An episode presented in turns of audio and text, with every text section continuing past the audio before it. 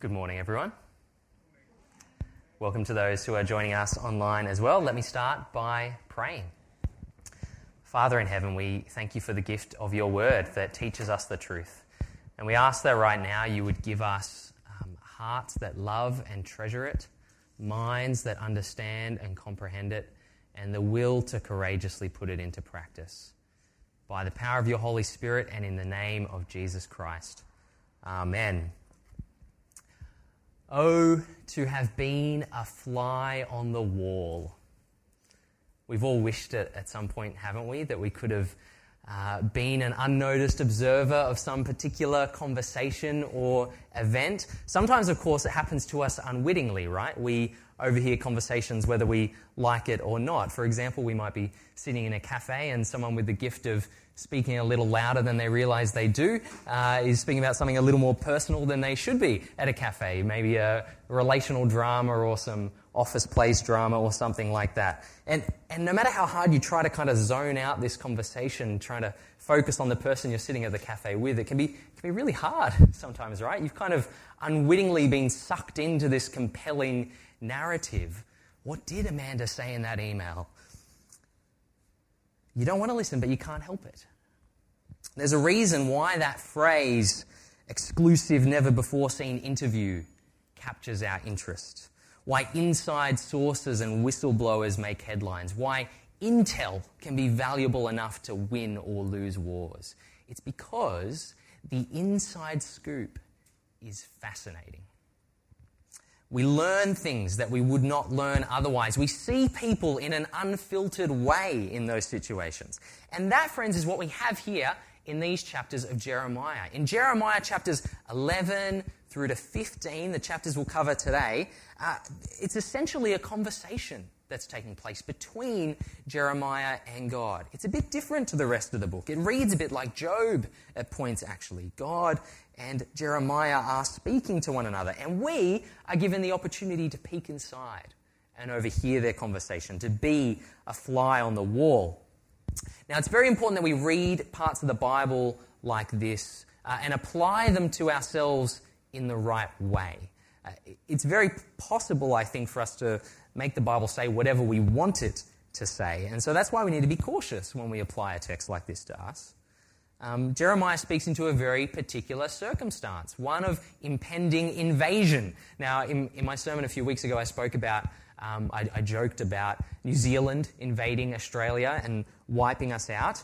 Um, I, I, think the uh, actual likelihood of that is quite remote. And so we can't just take Jeremiah's prophetic first century ministry and, and copy it ourselves. I think we know that there, there needs to be some kind of filtering that goes on there. And yet, at the same time, there is a very real sense in which Jeremiah is a model of the suffering prophet who was to come. There are real similarities in the ministry of Jeremiah and the ministry of our Lord Jesus, and in what Jesus endured to save us. And of course, the apostles of Jesus pick up where Jesus left off such that Paul says things like this I am glad when I suffer for you in my body, for I am participating in the sufferings of Christ that continue for his body, the church. And Paul will go on to pass that same commission on to us, such that we are told to follow the apostles as they follow Christ. And so I think as long as we're cautious about it, we can actually see something of a template in Jeremiah's ministry for our own ministry, if it is to be authentic. Now, for this insight and for other insights uh, this morning, I'm particularly indebted to Gary Millar, the principal of Queensland Theological College. We've based our whole Jeremiah series on his breakup of the book, and I've based the outline for today's talk on his work as well. So let's take a look at the shape of ministry for Jeremiah and peek in on this conversation between him and God. I've got five main observations about uh, the, the shape of authentic ministry today, and each one will be shorter than the one before it. So, we start with Jeremiah speaking God's words. There at the start of chapter 11, it'd be great if you had your Bibles open there. We begin there in chapter 11. Here, God urges Jeremiah to speak the words of God and not deviate from them. The Word of God is the starting point, the end point, and all of the middle of Jeremiah's ministry. In verse 2, he's told this Listen to the terms of this covenant and tell them to the people of Judah and to those who live in Jerusalem. Now, this covenant that's mentioned there is basically everything God has said up to this point to his people. In particular, um, it refers to the, the covenant in the book of Deuteronomy, which is basically what Jeremiah goes on to quote in the next few verses. Tell them that this is what the Lord, the God of Israel, says. Cursed is the one who does not obey the terms of this covenant. That's, that's straight out of Deuteronomy. Uh, a little further on, obey me and do everything I command you, and you will be my people, and I will be your God. You see, we often think of the work of the prophets um, as, as kind of revealing particularly fresh and new insights from God. And yet, for all the creative ministry that they do perform, there's a very large part of their task which is preaching God's word and actually preaching the words of God that He has already revealed. Their message draws together what God has said in previous generations, along with the fresh revelations that God gives to them. And so, after God lays this down for Jeremiah, Jeremiah responds with a very lengthy speech in verse 5. Let me recite it for you. Amen, Lord. Or in some translations, a, a few more words, so be it, Lord. Now, when Jeremiah says that, what he's doing is he is signing up for a word centered and word shaped ministry. The obedience of Jeremiah that we see there, um, it's, a bit, it's a bit like um, the farm boy Westley in The Princess Bride. Who's seen The Princess Bride? Good. I didn't get many hands at the 8 a.m. service.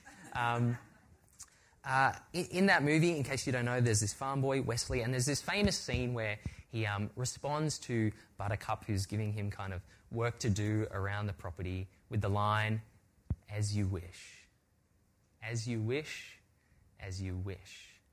And um, we, we know that obedience that is coerced or forced is dehumanizing. But Westley's as you wish, Jeremiah's um, Amen, Lord, that, that is not a coerced or oppressive kind of obedience, is it? Buttercup realizes that when Westley is saying, as you wish to her, what he's really saying is, I love you. And that kind of obedience is pure joy.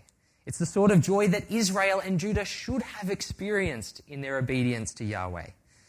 And so, in the next section, the centrality of speaking God's words is, is simply repeated multiple times. Jeremiah's job is to keep calling these people to repent and obey, to hear and obey, to realize that they're the covenant people of God whom He has spoken to, and that changes everything.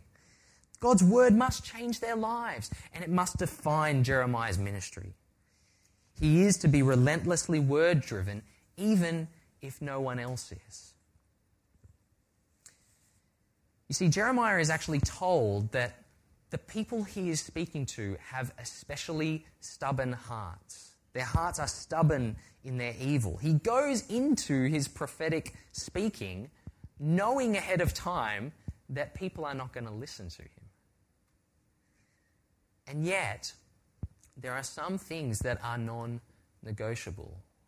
And this is one of them. Speaking God's words is one of them. We, just like Jeremiah, are called to that same task. I heard a pastor, um, a man from Dublin, uh, telling some stories about uh, his experience of church in Dublin once. And he, he told this story. He said he'd been working there in the church for a couple of years when two elders from the church came to visit him one afternoon. He invited them into his lounge room and asked how he could help.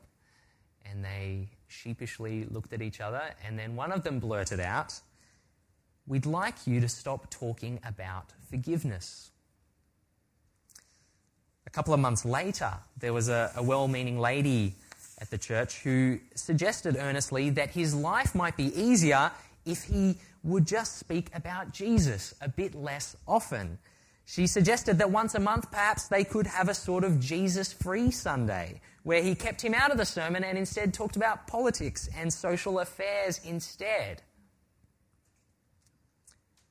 Now, what he says these people didn't understand was that their request was something he simply could not do. Because ministry is speaking God's word, it's his message, and we do not have the right to muck around with his message. Friends, all authentic ministry is unapologetically word centered. It's not that we, it's not as, as, as, though we set out to be welcoming and contemporary and fun, and then we kind of slip in the Bible when no one's looking.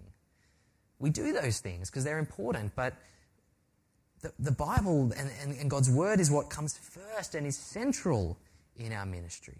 As we consider our strategy and our context and our culture and being sensitive to those things, we do it having settled the fact, first and foremost, that we will be word centered people.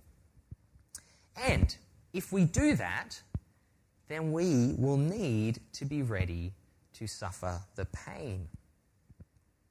In the next part of Jeremiah, uh, from chapter 11, 18 and onwards, this is exactly what Jeremiah faces. There is actually a plot to try and assassinate Jeremiah, it turns out. And God tells Jeremiah about this. Um, their conversation becomes a little bit more back and forward here. Jeremiah uh, kind of moans or laments, to use the technical term, to God, and God responds, and then Jeremiah whinges a bit more, and then God responds again. That's kind of the next section. Now, why is this in the Bible? Why does Jeremiah tell us about this, this part of his ministry? I think it's so that we will get the fact that gospel ministry sometimes is hard. Sometimes it's really hard. When you speak God's word, you are going to deal with opposition at times. And it's good to know that up front. One commentator uh, says this about Jeremiah in this section Despite his tough exterior, Jeremiah seems to have the emotional resilience of a marshmallow. Now, Jeremiah does, I admit, seem a little bit naive here. He kind of goes into his ministry and he describes his experience as being like a gentle lamb that's been led to slaughter. He didn't realize that people would be directing their plots against him. Sometimes we think that with enough kindness and enough charisma, we can win over anybody. But it doesn't matter how nice we are. At some point, if we are doing the real work of gospel shaped ministry, sooner or later we will encounter pain. We will suffer the pain that comes to those who stand with God. Now, it's one thing to be disliked or hated by people, but it is extra painful when those people are your own people. You see, it is the people of Anathoth who are threatening to kill Jeremiah, we're told. And we know from the very start of the book that Anathoth is actually Jeremiah's hometown. If strangers dislike you, you can kind of find comfort in the fact that, oh, they don't really get me. They don't understand who I really am. But being rejected by your own, that really stings, doesn't it? Of course, Jesus knew all about this. After Jesus preaches in Nazareth, we read this in Luke's Gospel, chapter 4. All the people in the synagogue were furious when they heard this. They got up, drove him out of the town, took him to the brow of the hill on which the town was built in order to throw him off the cliff. That sounds like rejection to me. Now, going through this kind of rejection, for Jeremiah, it produces a lot of angst in his heart. He struggles to come to terms with it and he cries out to God, God, why don't you do something about this? Why don't you just stop it? Why don't you deal with these enemies right now? And it's right for us to feel angst like that at times, just like Jeremiah did. It's right because it shows that we care enough about the ministry we're doing. It shows that we, we care deep in our hearts for revival in the church. It shows that we care about people coming to Christ. And Jeremiah wants God to get rid of all the hurdles that are stopping that from happening right away. Here's God's priceless response. He says, Jeremiah, if you have raced with men on foot and they have worn you out, how can you compete with horses? If you stumble in safe country, how will you manage in the thickets by the Jordan? To put it simply, God says to Jeremiah, What did you expect? What did you think was going to happen when you went out and prophesied these things? And in fact, for Jeremiah in particular, he says, actually, what you've experienced so far is going to get worse before it gets better.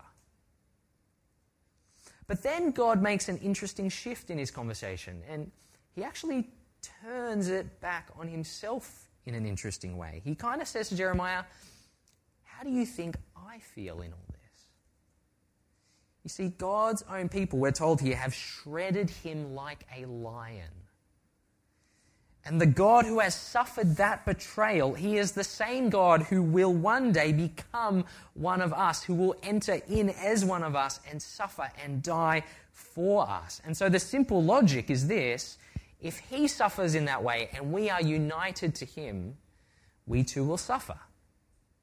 The Apostle Peter puts it this way He says, To this you were called because Christ suffered for you, leaving you an example that you should follow in his steps. Now, I'm, I'm not suggesting that Christianity is a, a, religion which asks us to walk around moping deliberately as though we seek out sadness in our lives. Jesus is the truest source of joy and happiness that there is in the world. But we cannot just read the parts of the Bible that make us feel happy and leave out parts like this. We have to read all the counsel of God's word. And the emphasis in Jeremiah is on this we will face hardships in our ministry. The shape of authentic ministry, it means speaking God's words, it means suffering the pain, and it also means doing what it takes to get the message across. And here we have one of the um, strangest and most fascinating incidents, perhaps in all of the prophets. In chapter 13, we have the slightly amusing incident of the rotten underwear. Here's what it says chapter 13, verse 1. This is what the Lord said to me Go and buy a linen belt. Now, some commentators have tried to argue that this linen belt is perhaps a, a decorative belt or something fancy you wear outside your garments or something like that. Um, after some kind of borrowed extensive research, it seems to me that the word really does mean Jeremiah's undies. This is what the Lord said Go buy a, a loincloth, put it around your waist, but do not let it touch water. Now, I must admit, it has never occurred to me to dip my underwear in cold water before putting it on. Why does God tell Jeremiah not to do that? Matthew Henry, one commentator, he says uh, perhaps it was because they would last longer if they weren't washed beforehand. Uh, Calvin said, and I paraphrase slightly, who cares? For some reason, pre washing of, of the loincloth was banned. So, anyway, here's the story Jeremiah puts it on. He makes the long journey up to Babylon. He puts his not so fresh undergarments in a hole in a rock and then he walks home. And then sometime later, God instructs him to go back and, and find the undies again. And so he does, he digs them up, and shock horror, they are ruined and good for nothing. Why is this in the Bible? well, God tells us the point. He says the people of Judah are like Jeremiah's rotten underwear. God says, These wicked people who refuse to listen to my words, who follow the stubbornness of their hearts and go after other gods to serve and worship them, they will be like this belt, completely useless. This stark, symbolic, prophetic act is meant to kind of drive the message home for these people. And in the next section, God and Jeremiah's voices start to mix a little bit. And all of God's people, the king and the queen down to the least person, are told to take God's word seriously. At one point, Jeremiah says this He says, Can an Ethiopian change his skin or a leopard change its spots? Neither can you do good who are accustomed to doing evil. All through this section, you can feel it in the preaching of Jeremiah, how passionately the message is coming across. He cares so deeply for these people. You can see him kind of struggling to find the language that is going to pierce their hearts. And that is just like Jesus. Again, it is just like Jesus. Jesus said, Jerusalem, Jerusalem, how often I have longed to gather your children together, like a hen gathers her chicks under her wings, and you were not willing real, Christ like, word shaped ministry and service of God's people is willing to do whatever it takes to sacrifice time, perhaps to study theology, to um, start Bible studies in our workplaces, to invite people to church, to move to other cities or countries. It does what it takes for the sake of that authentic ministry. The fourth thing is sticking at the task. See, here God actually anticipates that the people may relent, that they may, in some sense, kind of um, come to their senses. What is Jeremiah meant to do then? Stick to the task. Because the work is not over yet. Surely Jeremiah would have loved to have said to these people, Good news, everyone, God's changed his mind it's all been reversed. It's all over. Everything's going to be fine. He would have loved to have got up and preached that sermon to the people. But that is not an option. He can't say that. Jeremiah is to keep at the task. The Lord said to me, Do not pray for the well being of this people.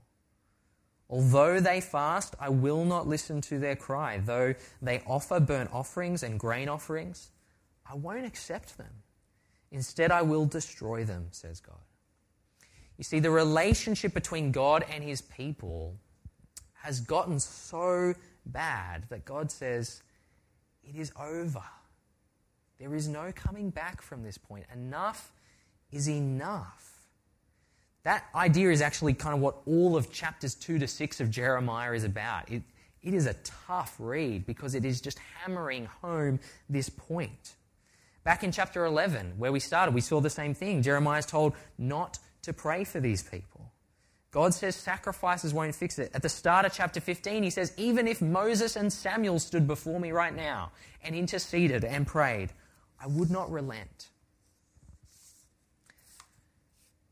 How does that honestly make you feel? Just question how you feel when you read that. Jeremiah being told not to pray for these people. Does it seem unfair to you? Isn't, isn't God's love and grace and mercy something unbounded and limitless? And, and I want to say it should sting our ears a little when we hear this, as people under the new covenant of grace. But if we think that God is being unfair here, we have not properly understood the relationship and the tragedy of it. You see, God's marriage with Israel it has been really difficult for a long, long time. They have been fighting night after night after night. There is no question who's at fault, and yet nothing changes. And for years on end, the same issues have been aired over and over again. The cycle of begging and apologies and promises of I'll never do it again. And now we get to the point where God says, It's over. This is not some kind of vindictive tit for tat, as though God is saying, You didn't listen to me, well, here's a taste of your own medicine, I'm not going to listen to you. If a spouse had endured decades of infidelity and gross mistreatment and manipulative false promises to fix things, if there came a point where that victim said, Enough is enough. You can cry and beg all you want, but this cannot go on any longer. None of us would say they were wrong for drawing a line in the sand, would we? How much more when God has endured it for hundreds of years? And so, in good or bad, in better or worse, whatever the season, Jeremiah is called to stick to the task, and authentic ministry will do just that.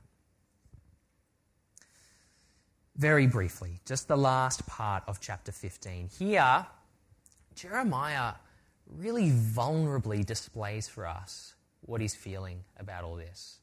He really kind of falls into the depths of sorrow in this part. He knows that what he's going through, he's, he's, he knows that he's doing it for the right reasons, but man, is it hard. In his head, he knows he's doing the right thing, but sometimes it is just all too much. He just feels depleted by this work. We read some of these verses. Alas, my mother, says Jeremiah, that you gave me birth, a man with whom the whole land strives and contends. Later he says he's been a loner all of his life. I've never joined the people in their merry feasts. I sat alone because your hand was on me, God. And he, he finishes with this Why does my suffering continue? Jeremiah feels smashed. And for us too, following Jesus will sometimes leave us feeling smashed. Being involved in gospel ministry, it's hard. But didn't Jesus tell us that that's how it would be? What does God say to Jeremiah as he pours out his heart to God? God gives him gentle, tender, but powerful words of reassurance. He says, I will make you a wall to this people, a fortified wall of bronze. They will fight against you, but will not overcome you, Jeremiah. For I am with you to rescue and save you, declares the Lord. God says, in the end, his enemies will not win. Friends, I am very glad that these chapters are in our Bibles because they show us what authentic ministry is all about. It is about speaking God's word, it is about suffering the pain when it comes, it is about doing what it takes to get the message across, it is about sticking to the task, and it is about being ready at times to be broken in that process. That is the ministry of Jeremiah. It is the ministry of Jesus. It is the ministry of his apostles. And now, equipped by the Spirit, it is the ministry of us too. Jesus said it very simply In this world, you will have trouble.